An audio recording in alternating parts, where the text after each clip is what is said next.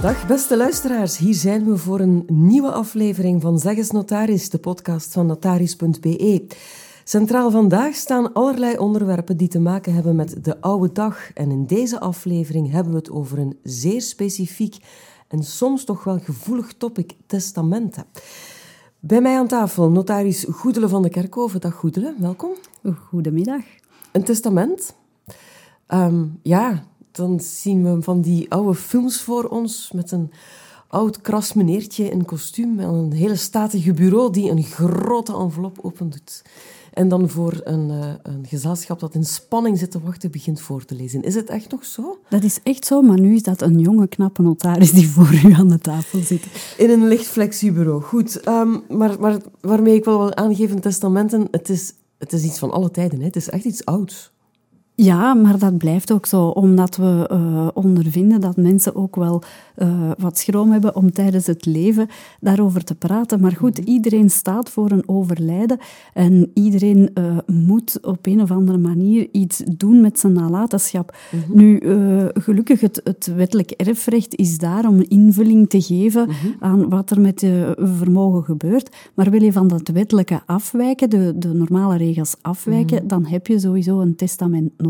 Ja, en dat kan dan zijn om bijvoorbeeld niet alleen je eigen kinderen, maar ook pleegkinderen of, of um, stiefkinderen toch ook te kunnen uh, bevoordelen. Ja, dat heb je juist gezegd, want natuurlijk de dag van vandaag uh, zitten we in hele ingewikkelde samenlevingsvormen, uh, maar die genegenheid is er vaak ook wel naar de niet-eigen kinderen. Mm -hmm. en dan kan een testament een, een instrument bij uitstek zijn om mm -hmm. ook die mensen iets na te laten. Ja, het is niet iets waarmee je moet wachten tot je oud bent, hè? Absoluut niet, hè, want het kan ons allemaal op welk moment overkomen. Uh, en hoe rapper het geregeld is, uh, hoe, hoe, sneller gemoedsrust uh, daarin. En trouwens, een testament is op elk moment wijzigbaar. Hè? Ja, daar gaan we het zo meteen over hebben. Maar misschien eerst eens zeggen, wat is een testament? Hoe ziet dat eruit of hoe kan dat eruit zien? Want er zijn wel wat vormen mogelijk. Wij hebben inderdaad verschillende vormen van testament. Er is bijvoorbeeld het internationale testament, maar dat hadden wij op mhm, voorhand mhm. afgesproken om niet verder op in mhm. te gaan. daar hebben onze luisteraars niet direct een, een eh, een tastbaar uh, voorbeeld aan. Uh, maar de, de twee vormen die, die eigenlijk in het oog springen zijn ofwel een notarieel testament, mm -hmm. hè, dat bij de notaris wordt verleden, ofwel een zelfgeschreven testament. Ja. En vooral dat laatste, dat spreekt nogal tot de verbeelding. Hè. Dat is echt, het is echt nog zo dat als, als ik op een briefje neerschrijf wat mijn wensen zijn en dat onderteken en een datum opzet, dat dat als testament wordt aanvaard. Dat is zo. En dat kan soms in de, uh, op de meest rare uh, dragers zijn mm. vermeld. Een mm. bierviltje of ja. wat dan ook. Uh, maar vanaf iets dat zelf geschreven is, niet getypt, ja. en je handtekent, liefst nog plaats en datum erbij. En het is duidelijk een, een wens uitgedrukt. En het kattenbelletje kan gelieerd worden aan een bepaalde persoon, dan is dat een geldig testament. Klinkt een beetje bizar, hè? want het, is een, het lijkt een heel futiele manier van omgaan met toch iets heel gewichtigs, wat vooral voor de mensen die achterblijven zeer zware consequenties kan hebben. Maar, maar mensen doen het soms op die manier omdat ze denken dat ze er dan goedkoop vanaf zijn goedkoop of te lang mee wachten. En nu schiet me hier uh, een verhaal te binnen dat eigenlijk echt heel schrijnend was. Uh, een dame die, die eigenlijk al langer eens een afspraak wou maken bij de notaris om iets te regelen uh, voor haar partner met wie ze niet getrouwd was. Uh, ze had ook zelf geen kinderen. En op een bepaald moment belt ze me en zegt ze: Ik heb slecht nieuws gekregen van de, van de mm -hmm. dokter. Het is niet alarmerend, maar ik zou toch graag een afspraak met u mm -hmm. hebben. We hebben helaas door omstandigheden die afspraken niet meer gehaald. Mm -hmm. dus de feiten hebben haar ingehaald. Uh, ze heeft nog geprobeerd in het ziekenhuis iets neer te pennen, zelf, op een documentje. Ik denk zelfs dat ze de, de menu vast had mm. van de dag. Helaas ging het fysiek uh, ja. niet meer goed. Ze heeft uh, iets, onleesbaar, ja. iets onleesbaars neergekrabbeld. De tekst liep zelfs voorbij het blad ja. op het tablet waar normaal het eten op geserveerd wordt. En dat is verschrikkelijk jammer, maar daar hebben we geen uitvoering nee. aan kunnen geven. Dat wou ik net zeggen, want dat is een misverstand. Het kan dan wel een geldig testament zijn, Maar dat betekent daarvoor niet dat het uitvoerbaar is. Want er is bijvoorbeeld ook geen inhoudelijke check mogelijk. Nee, er is geen inhoudelijke check, inderdaad. Dus uh, het gebeurt ook dat mensen iets onzinnigs uh, neerpennen dat gewoonweg uh, niet uitvoerbaar ja, is. Of juridisch niet kan, bijvoorbeeld. Ik geef al mijn bezittingen aan één persoon. Uh, dat kan problematisch zijn. Uh, dat is problematisch in die zin, uh, je kan het wel opschrijven, maar je moet beseffen dat mensen die een minimaal erfdeel -hmm. krijgen door de wet, hun deel nog steeds kunnen opeisen. Ja, omgekeerd ja. ook, als je alles weggeeft aan een goede vriend, dan kan die niet alleen met een testament, maar ook met een gepeperde rekening opgezadeld worden. Ja, de fiscale consequenties, uh, die krijg je ook maar beter vooraf ingepeperd door de notaris.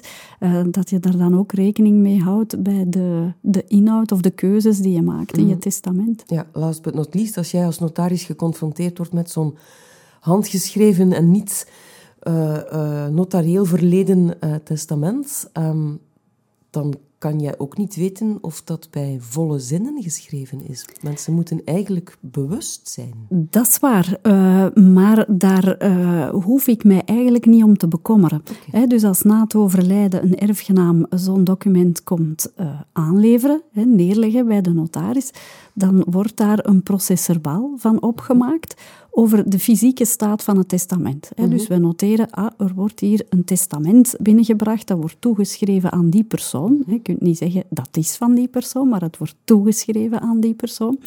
Uh, het bestaat uit een groot wit blad van zoveel bij zoveel centimeter. Het is mm. beschreven in blauwe inkt en het bevat zoveel mm. regenschrift en zoveel woorden en zoveel doorhalingen. Het is voorzien van een handtekening en een datum. Dus wij brengen eigenlijk in kaart hoe het testament er mm -hmm. fysisch uitziet. Mm -hmm. Maar eh, dan komt het eigenlijk aan eventueel benadeelde erfgenamen toe om uh, de inhoud uh, in vraag te stellen of, of ook de omstandigheden mm. uh, waaronder een testament geschreven is. Onder dus, druk of niet, bijvoorbeeld. Bijvoorbeeld. Ja. Of dat men zelfs durft beweren dat het handschrift niet uh, ja. is van degene die overleden is. Maar helaas, daar kan je als notaris geen uitspraak over doen. Nee. Dat zijn reëel procedures voor de rechtbank. Ja, conclusie, lang verhaal kort. Je werkt beter met een notarieel testament, denk ik dan. Want dat vermijdt al op zijn minst heel veel van dat soort mogelijke discussies.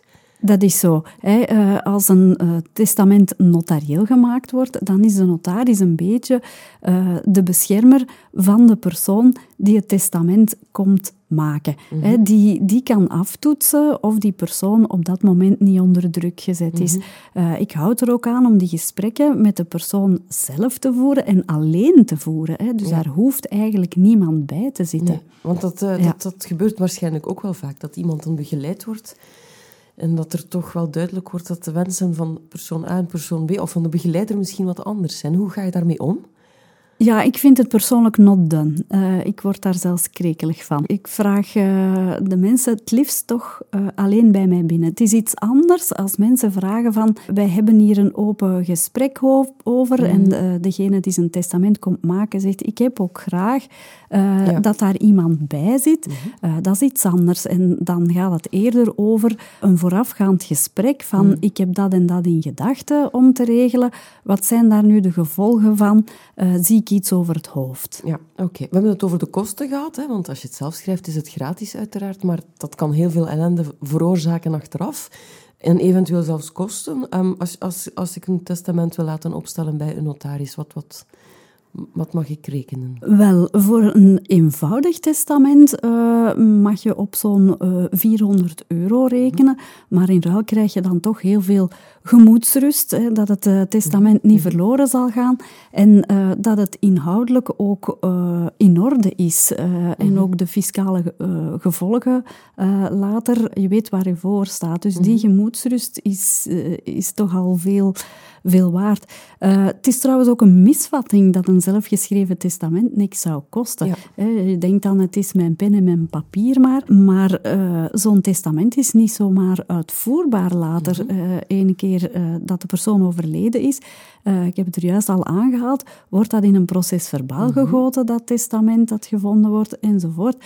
Dus daar op zich al zijn ook weer een reeks uitvoeringskosten aan verbonden. Ja, dus op, op een of andere manier, ofwel vooraf ofwel achteraf, betaal je er toch een bepaalde prijs voor. En ehm, ehm, ook hier is het dus interessant om eens na te denken van... Um, ik ga ermee naar de notaris om een notarieel testament te maken.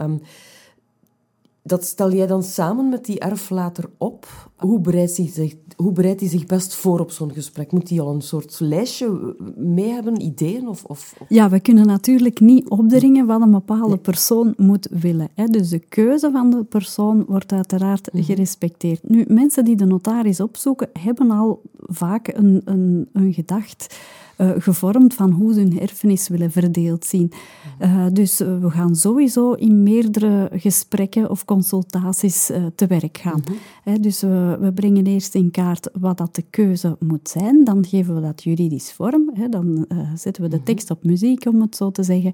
En in een volgende gelegenheid komen we dan tot de ondertekening van dat testament. Dat verhaal van, van, van een testament opstellen, um, voor een aantal mensen zorgt dat ook voor stress. Hè? Want het gegeven dat er een testament komt, kan binnen een groep, binnen een gezin, binnen een familie al voor onrust zorgen. Mensen praten daar niet graag over. Is dat ook jouw ervaring? Dat is waar. Eh, het is eigenlijk iets uh, pertinents wat je mhm. daar zegt. Want je zou uh, redeneren van het kan maar beter geregeld zijn mhm. allemaal vooraf in een testament om na het overlijden mhm. veel ellende te besparen. Maar van zodra je gaat afwijken van, van het wettelijke erfrecht, uh, dat geeft misschien een bepaalde zenuwachtigheid bij mensen die dan denken of vrezen daardoor uh, niet op gelijke voet behandeld te zullen worden als een broer of zus. Mhm. Dus uh, dat is misschien het paradoxale aan het hele verhaal. dat een, het feit dat er een testament bestaat mhm. voor onrust kan zorgen. Nu, um, als toekomstige erfgenamen daar lucht van zouden krijgen, dan weten ze het alleen maar door degene die het testament testament gemaakt heeft. Want uh, de notaris heeft uiteraard het beroepsgeheim, mm mag niet meedelen of er een testament bestaat tijdens het leven van die persoon. Wij boeken dat trouwens ook uh, in in een uh, specifieke databank. Mm -hmm. hè. we maken daar melding dat er een, een testament bij ons mhm. berust.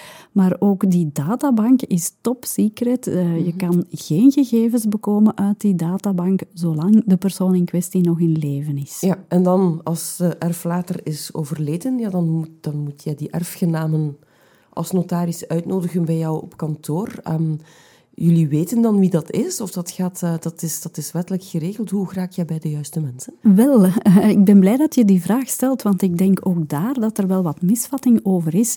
Uh, mensen beelden zich in dat ze spontaan uitgenodigd worden door de notaris en dan staan ze direct met de bankrekening daar mhm, mhm. te zwaaien. Dat is niet de bedoeling. Wij gaan niet actief een erfenis afwikkelen en op zoek naar de erfgenamen. Mhm. een notaris begint maar een erfenis af te wikkelen als die eerst wordt aangesproken door de erfgenamen. En dan uh, mocht niet iedereen spontaan uh, aan de tafel zitten, dan moeten we inderdaad wel op zoek gaan naar de ontbrekende personen. Ja.